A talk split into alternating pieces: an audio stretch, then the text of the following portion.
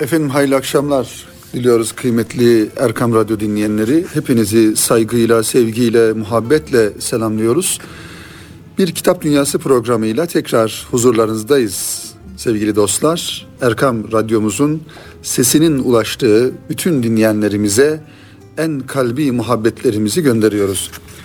Kıymetli dinleyenler geçtiğimiz haftalarda yine Erkam Radyo aracılığıyla da duyuruları yapılan ve İstanbul'da Haliç Kongre Merkezi'nde düzenlenen önemli bir e, sempozyum gerçekleştirildi malumunuz. Şah-ı Nakşibend ve Nakşibendilik muhtevalı önemli bilim adamlarının İslam dünyasından ve e, ülkemizin e, önemli ilahiyatçılarının da katılmış olduğu güzel bir sempozyum. E, tasavvufun tekrar insanların gündemine konulması ve tasavvufi prensiplerin, ölçülerin her türlü hurafeden e, arındırılmış bir şekilde yeniden insanların dikkatine sunulması anlamında bu sempozyum gerçekten önem arz ediyordu. Kıymetli dinleyenler bu anlamda bu sempozyumda dağıtılmak üzere ve aynı zamanda Erkam yayınlarından neşredilen muhterem Osman Nuri Topbaş Hoca Efendi'nin önemli bir kitabından bahisle inşallah programımıza başlamış bulunuyoruz. Efendim bu kitap ismi Hak Dostlarından Hikmetler üst başlığı ile Şah-ı Nakşibend rahmetullahi aleyh ismiyle önümüze konuluyor ve kitap bu şekilde hazırlanmış. Bu isimle e, takdim edilmiş. Küçük hacimle ve 200 sayfadan oluşan kitabın muhtevası gerçekten bize Şah Nakşibend Hazretleri'nin ve Nakşibendiliğin ve bu anlamda da tasavvufun prensiplerini, ölçülerini en güzel şekilde anlatıyor. Şöyle arka kapak yazısına baktığımızda kıymetli dinleyenler, Ubeydullah Ahrar Hazretlerinden nakledilen bir e, ifadelere, bir e, söze yer veriliyor. Bir zat dünyadan ayrıldıktan sonra Şah-ı Nakşibend Hazretlerini rüyasında görmüş ve ona ebedi kurtuluşumuz için ne yapalım diye sormuş. Muhammed Bahaddin Hazretleri şu cevabı vermiş. Son nefeste neyle meşgul olmak gerekiyorsa onunla meşgul olun. Yani son nefeste nasıl ki tamamen Hak Teala'yı düşünmeniz lazımsa hayatınız boyunca da o şekilde uyanık olunuz anlamında böyle bir cevap vermiş ve bu cevapta insanın tasavvufta olma gayesini veya tasavvufi hayatı yaşama gayesini bir yönüyle bizlere açıklamış oluyor kıymetli dinleyenler. Kıymetli kitap dostları muhterem Osman Nuri Topbaş Hoca Efendi'nin bu seriden çıkan önemli kitabı bu ebatta ve bu şekilde Allah dostlarının e, hayatlarının anlatıldığı ve onların hayatlarından hikmetlerin bize sunulduğu bu seri bu şekilde devam ediyor. Biraz sonra inşallah yine bu halkanın önemli bir e, şahsiyetini e, de ifade edeceğiz inşallah.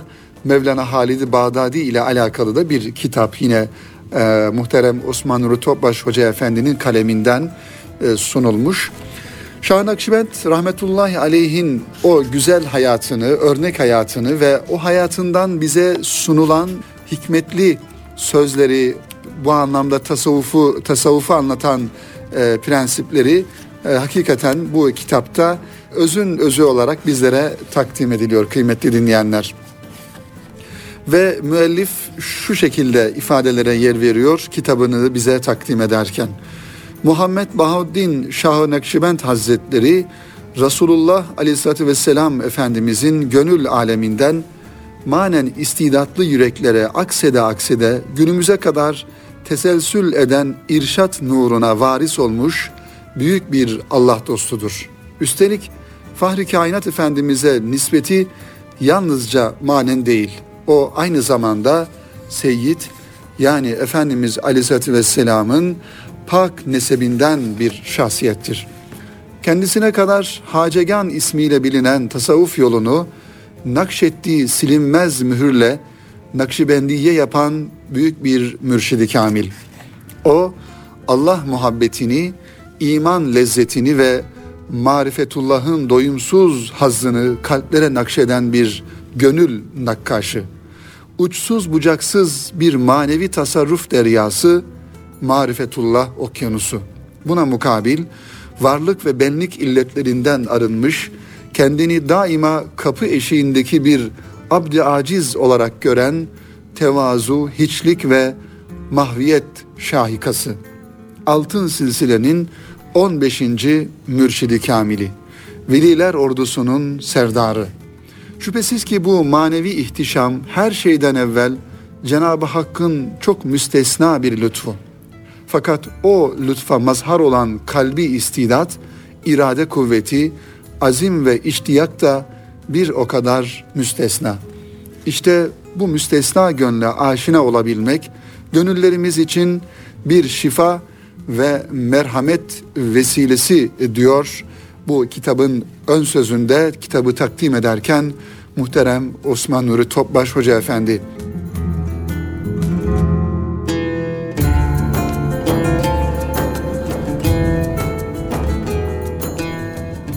Ve devam ediyor kıymetli dinleyenler. Altın Silsile'nin 15.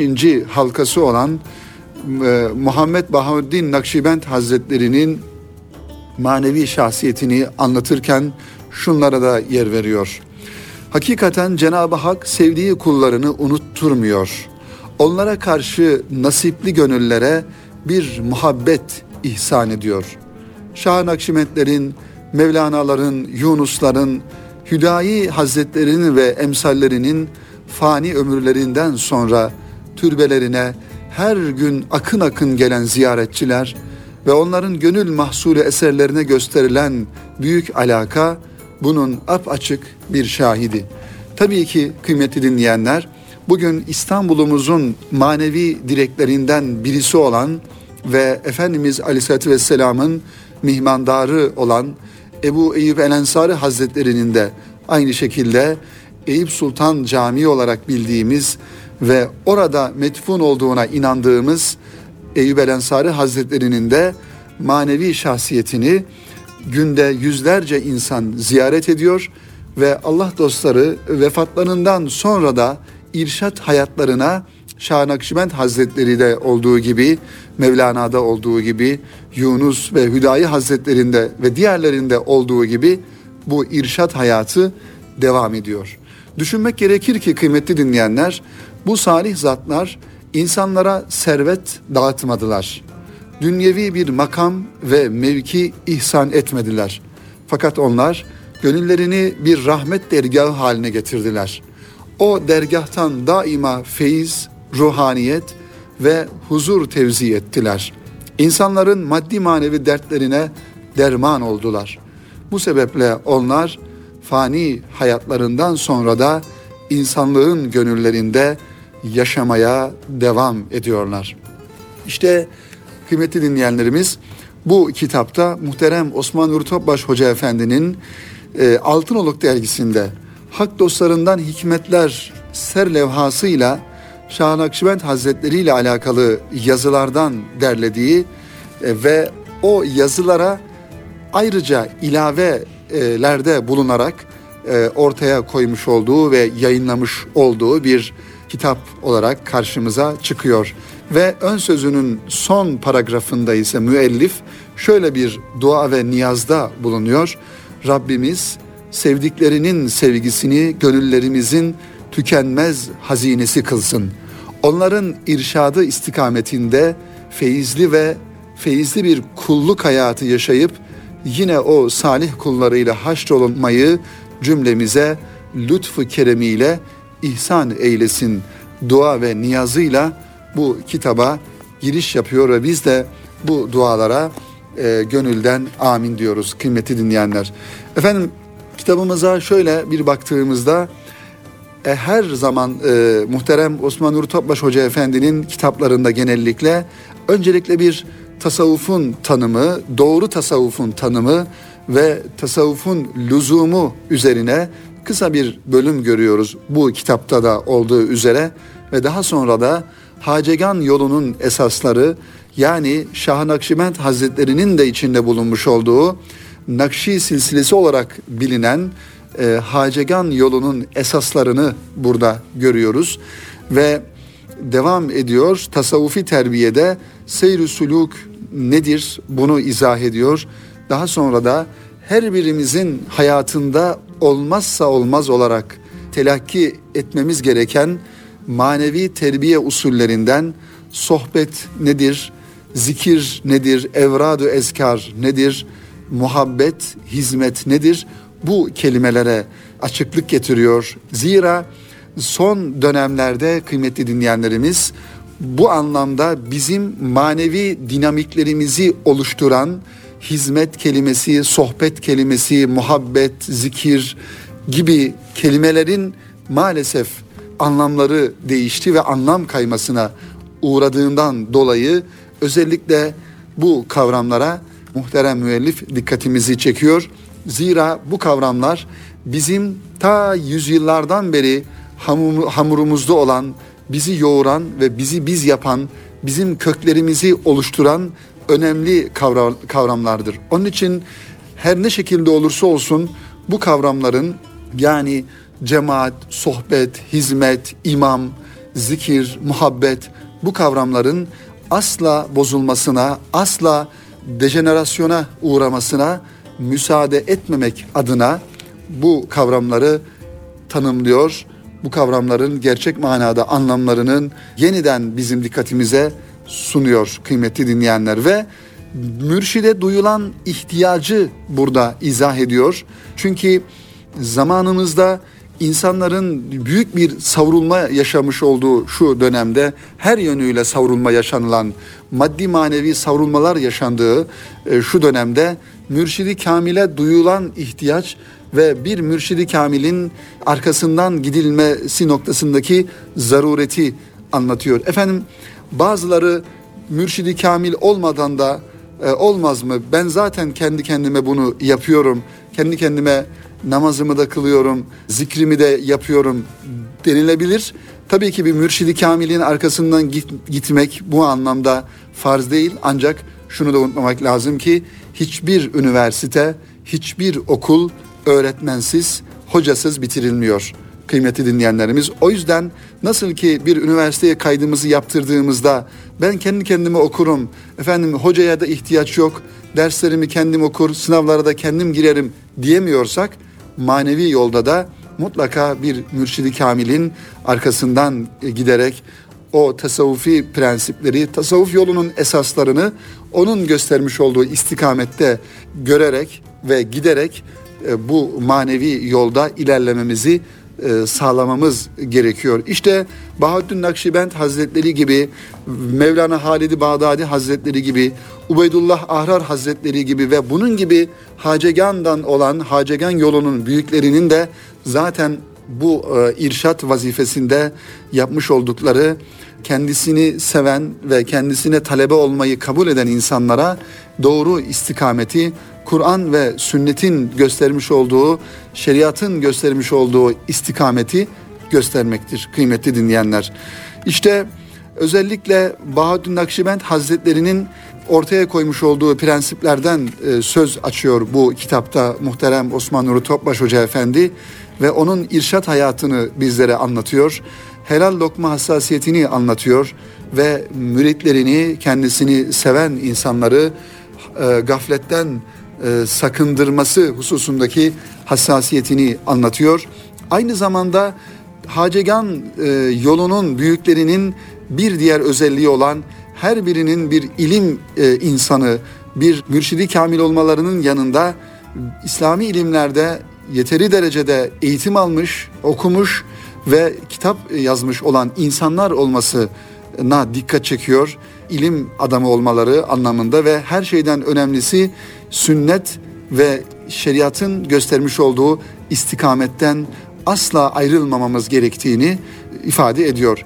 Ve tabii ki sünneti seniyeye ittibanın her şeyden önemli olduğunu, sünnete uymayan bir insanın Kur'an-ı Kerim'e, ayeti kerimelerin istikametine uymada zorlanacağını bizlere ifade ediyor. Çünkü kıymetli dinleyenlerimiz biliyorsunuz bu son zamanlarda bir furya şeklinde ortaya çıkan Kur'ancı olarak kendilerini ifade eden ve Kur'an bize yeter, ayet-i kerimeler bize yeter diyen bir grubun da grup gruptaki insanların da bu anlamda sünneti hafife alıcı ve sünneti bir yönüyle göz artı edici yazıları, tavırları, konuşmaları da şu son zamanlarda e, zaman zaman gündeme gelmişken bu anlamda tasavvuf yolunda sünnete ne kadar daha çok ittiba etmemiz gerektiğini de görmüş oluyoruz. Çünkü sünnet demek peygamber efendimiz demek. Sünnet demek Efendimiz Aleyhisselatü Vesselam'ın bize yaşayarak göstermiş olduğu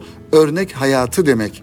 Sünnet demek Kur'an-ı Kerim'in ayetlerinin tefsiri demek kıymetli dinleyenler. Onun için biz ibadetimizi, ibadetlerimizin şeklini ve İslam ahlakını Efendimiz Aleyhisselatü Vesselam'ın yaşamış olduğu o güzel hayattan öğreniyoruz. Kur'an-ı Kerim'den de şüphesiz öğreniyoruz. Ancak Kur'an-ı Kerim'in tefsiri bir taraftan da Peygamber Efendimizin hayatı olmuş oluyor. Ve tasavvufta çok önemli bir husus olan tevazu ve hiçlik.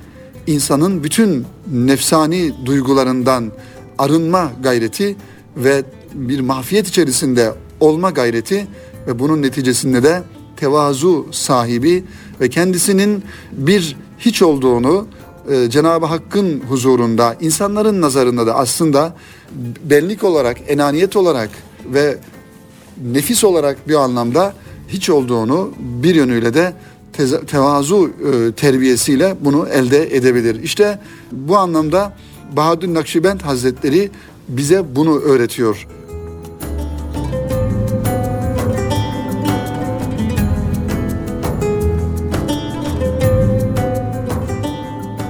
Öbür taraftan yine bir önemli ahlaki özellik olan cömertlik ve hizmet ehli olabilmek, cömert olabilmek, infak ehli olabilmek de tasavvufun bize öğretmiş olduğu hususlardan bir tanesi. Ve Nakşibendi yolunun en önemli ve üzerinde durmuş olduğu diğer bir husus ise kıymeti dinleyenlerimiz sohbete verdiği ehemmiyet Bahaddin Nakşibend Hazretlerinin sohbet Peygamber Efendimiz Aleyhisselatü Vesselam'ın hayatının her noktasında var olan bir sünnet-i seniyesi. Sahabe kelimesi de buradan geliyor. Efendimizin sohbet arkadaşı ki sahabe olabilme payesini ancak Peygamber Efendimiz'i gören ve onun sohbetinde bulunan insanlar alabiliyor. Mesela Peygamber Efendimiz Aleyhisselatü Vesselam'ı çok seven ve onu görmek için kendisini ziyarete gelen Veysel Karani Hazretleri o kadar yoldan gelmesine rağmen Efendimiz Aleyhisselatü Vesselam'ı görmediğinden dolayı sahabe sayılmıyor. O yüzden sohbet ve sahabe kelimeleri de bu manada birbiriyle çok yakın alakalı olduğundan dolayı tasavvuf yolunda sohbet Peygamber Efendimiz Aleyhisselatü Vesselam'ın hayatında uygulamış olduğu önemli bir sünnet olduğundan dolayı çok önem arz ediyor. Bu anlamda da Bahaddin Nakşibend Hazretleri buna çok önem veriyor. Ve kitabımızın son bölümünde kıymetli dinleyenlerimiz vefatı ile alakalı bir bilgi görüyoruz. Ve sonrasında da Altınoluk dergisinde neşredilen Hak Dostlarının Hikmetler başlığı ile Şah-ı Nakşibend başlığında dört tane farklı yazı ve onun tasavvufi prensiplerini de görmüş oluyoruz kıymetli dinleyenlerimiz. Efendim bu kitabı inşallah Erkam Yayınları yayınladı ve Erkam Yayınları muhterem Osman Nuri Topbaş Hoca Efendi'nin bu seriden devam eden kitaplarını yayınlamaya tabii ki devam ediyor. Zannedersem bu ölçüde ve bu ebatta 10 civarında bir kitabı oldu. Yani bu ölçüde bu serinin devamı olarak. Zira e, Osman Nuri Topbaş Hoca Efendi'nin e, Erkam yayınlarından neşredilen yaklaşık 60 civarında kitabı bulunuyor. Ancak bunlar biraz daha okunması kolay, biraz daha e, sayfa sayısı az ve ölçüleri küçük olan cep kitaplar mahiyetinde neşredilen kitaplardan kıymetli dinleyenlerimiz. İnşallah bu kitapları alırız, okuruz, sohbetlerde okuruz, evimizde okuruz, istifade ederiz. Manevi hayatımıza bu güzel hikmetleri yansıtırız ve hayatımız manevi olarak inşallah zenginleşir diyoruz kıymetli dinleyenlerimiz. Efendim yine bir Allah dostu olan Mevlana Halidi Bağdadi Hazretlerinden ve yine muhterem Osman Nuri Topbaş Hoca Efendi'nin kaleminden aynı seriden çıkan bu kitaptan inşallah sizlere bahsederek Mevlana Halid-i Bağdadi Hazretleri'nin manevi şahsiyetinden kısa da olsa bu kitap vesilesiyle bahsedeceğiz inşallah. Efendim yine kitabımızın ön sözünde muhterem müellif şu ifadelere yer veriyor. Hak dostları dinin zahir ve batın, şekil ve ruh, madde ve manasını kamil surette idrak ederek hal ve davranış mükemmelliğine ulaşmış peygamber varisleridir. Onlar Efendimizin gönül dokusundan hisseler alarak nebevi güzellikleri devirlere ve diyarlara taşıyan örnek şahsiyetlerdir. İşte o gönül tabibi örnek şahsiyetlerin izinden gidebilmek ebedi saadet vesilesidir. Zira Mevlana Hazretlerinin buyurduğu gibi sen katı bir taş olsan, mermer kesilsen bile bir gönül sahibine ulaştın mı inci olursun diyor Mevlana Hazretleri. Gönlün yitirdiği hikmet kumaşı gönül ehlinin katında ele geçer. Allah ile oturup kalkmak isteyen kişi veliler huzurunda otursun. Velilerin huzurundan kesilirsen helak oldun, gittin demektir diyor Mevlana Hazretleri insanların içerisinde Evliyaullah'ın kıymetini e, anlatırken bu ifadelerinde ve yine bir Allah dostu olan Muhammed Esat Erbili Hazretleri de şöyle diyor. Altın ve gümüş muhabbetine esir olursan ayarın bakırdan daha aşağı olur. Demir parçası gibi cevhersiz de olsan kara bir taş veya mermer de olsan bir gönül ehline erişirsen mücevher olursun buyuruyor. İşte kıymetli dinleyenler bu anlamda Mevlana Halidi Bağdadi gibi hak dostlarının yolundan, izinden gidebilme gayreti ile aslında insan kendi kıymetini bulmuş oluyor ve kendisi o manevi ortamda, o manevi yolda Cenab-ı Hakk'ın kendisine yüklemiş olduğu o kıymeti ortaya koymuş oluyor. İşte bu kitapta aynı şekilde Altınoluk dergisi aracılığıyla zaman zaman muhterem müellifin okuyucularına yazmış olduğu yazıların bir kısmı ve kitabın baş tarafında da Mevlana Halid-i Bağdadi Hazretleri'nin hayatından e, kesitler sunarak bize sunuluyor. Kıymetli dinleyenler Mevlana Halid-i Bağdadi Hazretleri asrının müceddidi, zahir ve batın ilimlerinde engin bir derya olan bir büyük Allah dostu. Ve nesebine baktığımızda baba tarafından Hazreti Osman radıyallahu anh'a, anne tarafından da Hazreti Ali radıyallahu anh'a ulaşıyor. Ve Mevlana Halid-i Bağdadi Hazretleri kıymeti dinleyenler aslına bak, aslında baktığımızda çok eski bir tarihte yaşamış bir insan değil. 1779 yılında dünyaya gelmiş ve 1827 yılında da vefat etmiştir. Ee, öyle görüyoruz. Yani yakın bir dönemde, yakın bir döneme damgasını vurmuş. Tasavvuf yolunu bir yönüyle prensiplerini ortaya koymuş e, bir büyük Allah dostu ve ilim ehli çok talebeler e, yetiştirmiş bir zatı muhterem kıymeti dinleyenler. Baktığımızda onun güzel ahlakı ve e, o güzel ahlakından süzülen e, prensipler bu kitabın içerisinde karşımıza çıkıyor. Onlardan birkaçını ifade etmeye çalışalım kıymetli dinleyenler. Her şeyden önce her bir Allah dostu gibi Mevlana Halid-i Bağdadi Hazretleri tevazuda zirve bir insan e, olarak karşımıza çıkıyor.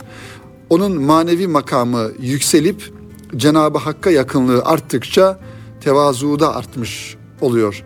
Kalbini daima kontrol etmiş, gaflete düşüp de Cenab-ı Hak'tan uzaklaşmamak için her an teyakkuz halinde bulunmuştur. Hiçbir zaman nefsinden razı, hallerinden emin olmamıştır. Yine hiçbir zaman Allah'ın azabından kendini selamette görmemiş ve Rabbine kulluktan ayrılmamıştır. Bir Müslümanın içinde bulunması gereken örnek bir ahlaki davranış olarak görüyoruz bunu. Bunun içindir ki hemen hemen müritlerine yazmış olduğu ya da kendisini seven insanlara yazmış olduğu her mektubunda muhatabından son nefeste iman ile can verebilmek ve İslam'ı hayatın her alanına en güzel şekilde yansıtabilmek için dualar talep etmiştir. Bunlardan bu dualardan ve bu mektuplardan, bu taleplerden birkaç misal sunacak olursak diyor ki mesela bir e, müridine, talebesine yazmış olduğu mektubunda sizden ricam hüsnü hatime ile yani son nefesi iman ile vererek Rabbime kavuşabilmem ve mahlukatın en hayırlısının Efendimizin sünnetine tabi olabilmem için dualarınızda beni hatırlamanızdır. Veya başka bir risine yazmış olduğu yine mektupta güzel ahlakınızdan ve şerefli tabiatınızdan ricam bu miskini sünneti seniyeye istikamet üzere bağlı kalabilmem ve tertemiz İslam dini üzere ölebilmem için duadan unutmamanızdır diyor Mevlana Halid-i Bağdadi Hazretleri kendisini sevenlerine yazmış olduğu mektuplarda.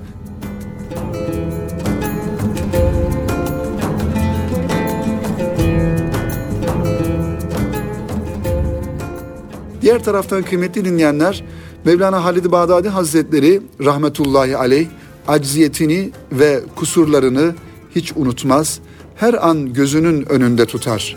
İnsanın kulluk yolundaki hata ve kusurlarına mazeret bulmaktan vazgeçmesi ve aczini itiraf edip istiğfara sarılması gerektiğini ifade ederdi.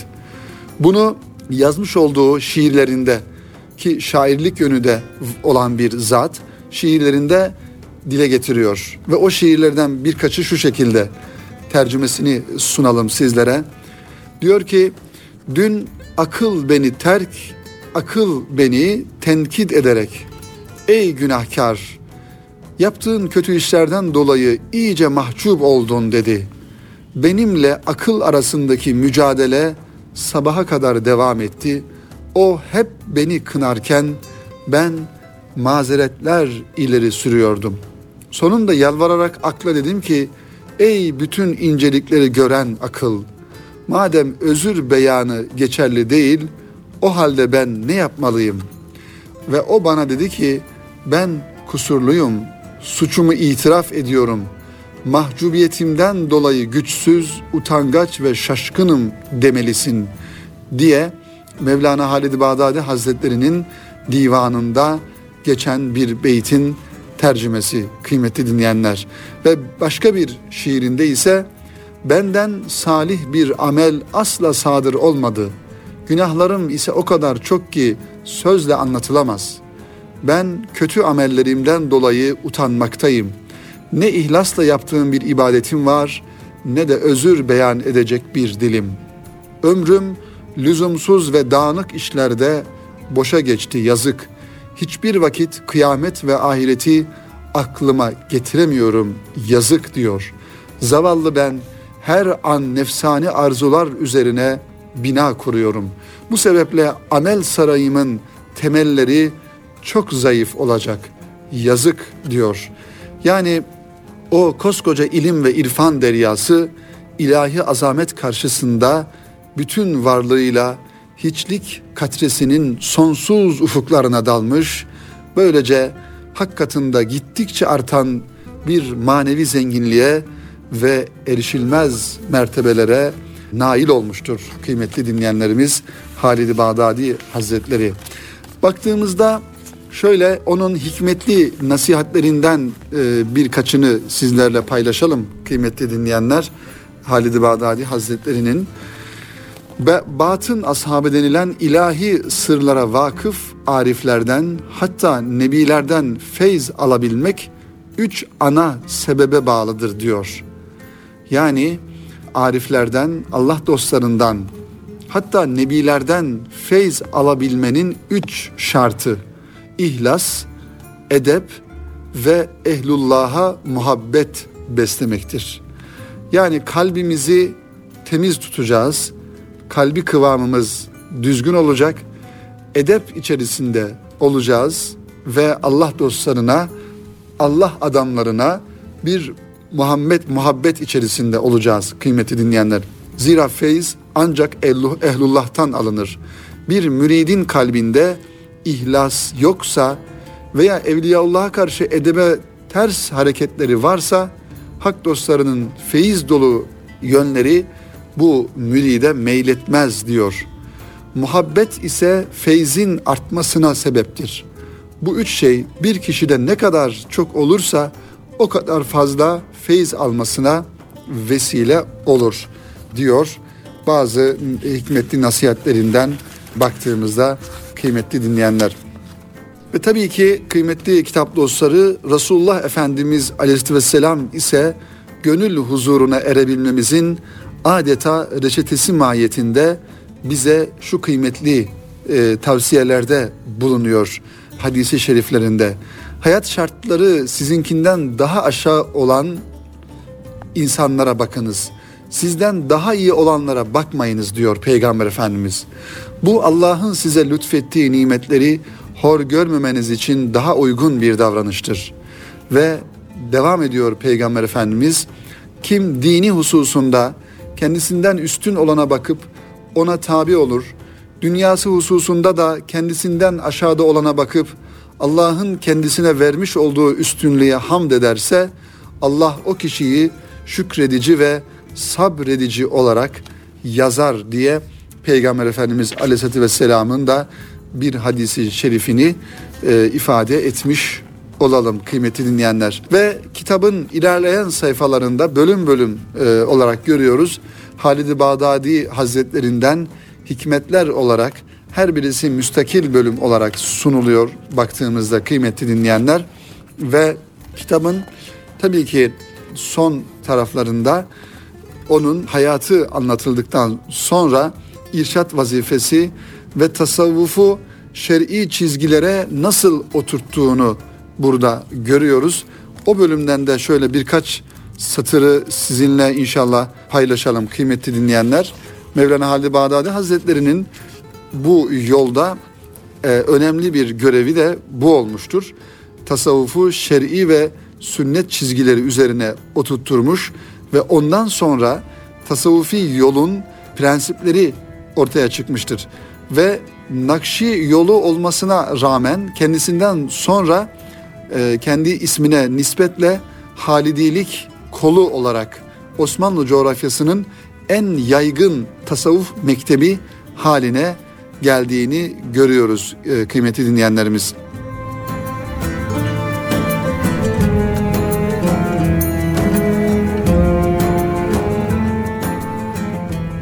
Evet ve diğer taraftan Mevlana Halid Bağdadi Hazretleri irşat vazifesini görmüş olduğu Şam diyarına hicret ettiğinde o mübarek beldeler de canlandı. Maalesef şu an oraların durumu Şam'ın, Halep'in, Suriye'nin durumu da tabii ki işler acısı.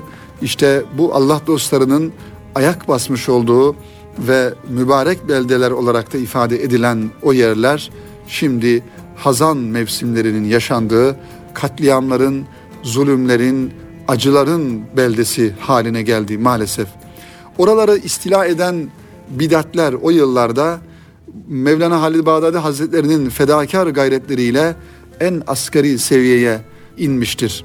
Ve e, Halid Bağdadi bir mektubunda şöyle buyuruyor kıymetli dinleyenlerimiz. Tarikat marifetullah'a nail olma yoludur. Allah Teala'nın rızasını ve Peygamber Efendimiz'e ittiba hasletini kazandırır insana. Tarikatın esasları fırkayı naciye olan ehli sünnetin akaidine yapışmak, ruhsatlardan kaçınıp azimetlerle amel etmek yani takva yolunu tutmak, fetvalardan mümkün mertebe uzak durmak, devamlı Allah Teala'ya yönelip dünyanın süs ve zinetinden hatta Allah'ın dışındaki her şeyden yüz çevirmek hadisi şerifte ihsan diye tabir edilen daima Allah'ın huzurunda bulunduğunu idrak etme melekesini kazanmaktır diyor bize tasavvufi prensipleri ifade ederken sözün özü bu tarikat fazlası ve noksanı olmaksızın tamamen sahabe-i kiramın şerefli yoludur. Yine o kitap ve sünnetin azimetleri ile amel etmekten ibarettir diyor kıymetli dinleyenlerimiz. Ee, Mevlana Halid-i Bağdadi Hazretleri bu şekilde tasavvufun prensiplerini bizlere sunuyor. Ve muhterem Osman Nuri Topbaş Hoca Efendi'nin ifadeleriyle bu kitabımızı ve aynı zamanda programımızı da inşallah yavaş yavaş sonlandıralım. İşte önümüzde bir ibret manzarası halinde mezarlıklar diyor muhterem Osman Nur Topbaş Hoca Efendi. Nice büyük servet sahipleri orada eli avucu bomboş yatıyor. Hiçbir şeyimiz olmadan geldiğimiz dünyadan yalnız bir kefenle gideceğiz. O da bir müddet sonra çürüyüp toprak olacak. Bugün sahiplik iddia ettiğimiz hiçbir şey elimizde olmayacak. Toprağın altına yalnızca müsbet veya menfi amellerimizle gömüleceğiz. Velhasıl faniliği hiçbir zaman hatırımızdan çıkarmamalı, her an ölüm ve ötesine hazır olmaya gayret etmeliyiz. Unutmayalım ki Nuh Aleyhisselam'a kadar Nuh Aleyhisselam kadar uzun ömürlü olsak, Süleyman Aleyhisselam kadar varlıklı olsak, Yusuf Aleyhisselam kadar cemal sahibi olsak, şayet faniliğin idraki içinde değilsek ziyandayız demektir. Ve bir dua cümlesiyle kitabı nihayetlendiriyor muhterem Osman Nur Topbaş Hoca Efendi, kıymetli dinleyenler. O duayı da ifade edelim ve programımızı inşallah bitirelim. Rabbimiz ölmeden evvel gaflet uykusundan uyanmayı nasip eylesin. Dünyanın gel geç sevdalarıyla ömür tüketerek ahiretini ebedi bir azap faslına çeviren bedbahların akıbetine düçar olmaktan cümlemizi lütfu keremiyle muhafaza buyursun diyor bu güzel dua cümlelerinde muhterem Osman Nur Topbaş Hoca Efendi biz de amin diyoruz kıymetli dinleyenler.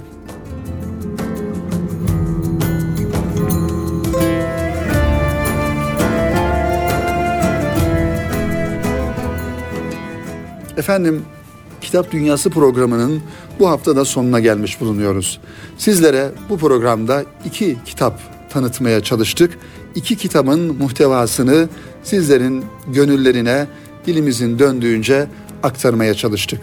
Bu kitapların birincisi Muhammed Şah Nakşibend Hazretleri'nin güzel hayatını, örnek hayatını ve onun hikmetli sözlerini ihtiva eden bir kitap ve ikincisi ise az önce tanıttığımız Mevlana Halid-i Bağdadi Hazretleri'nin aynı şekilde güzel hayatını, tasavvuf yolunu anlatan bu güzel kitap.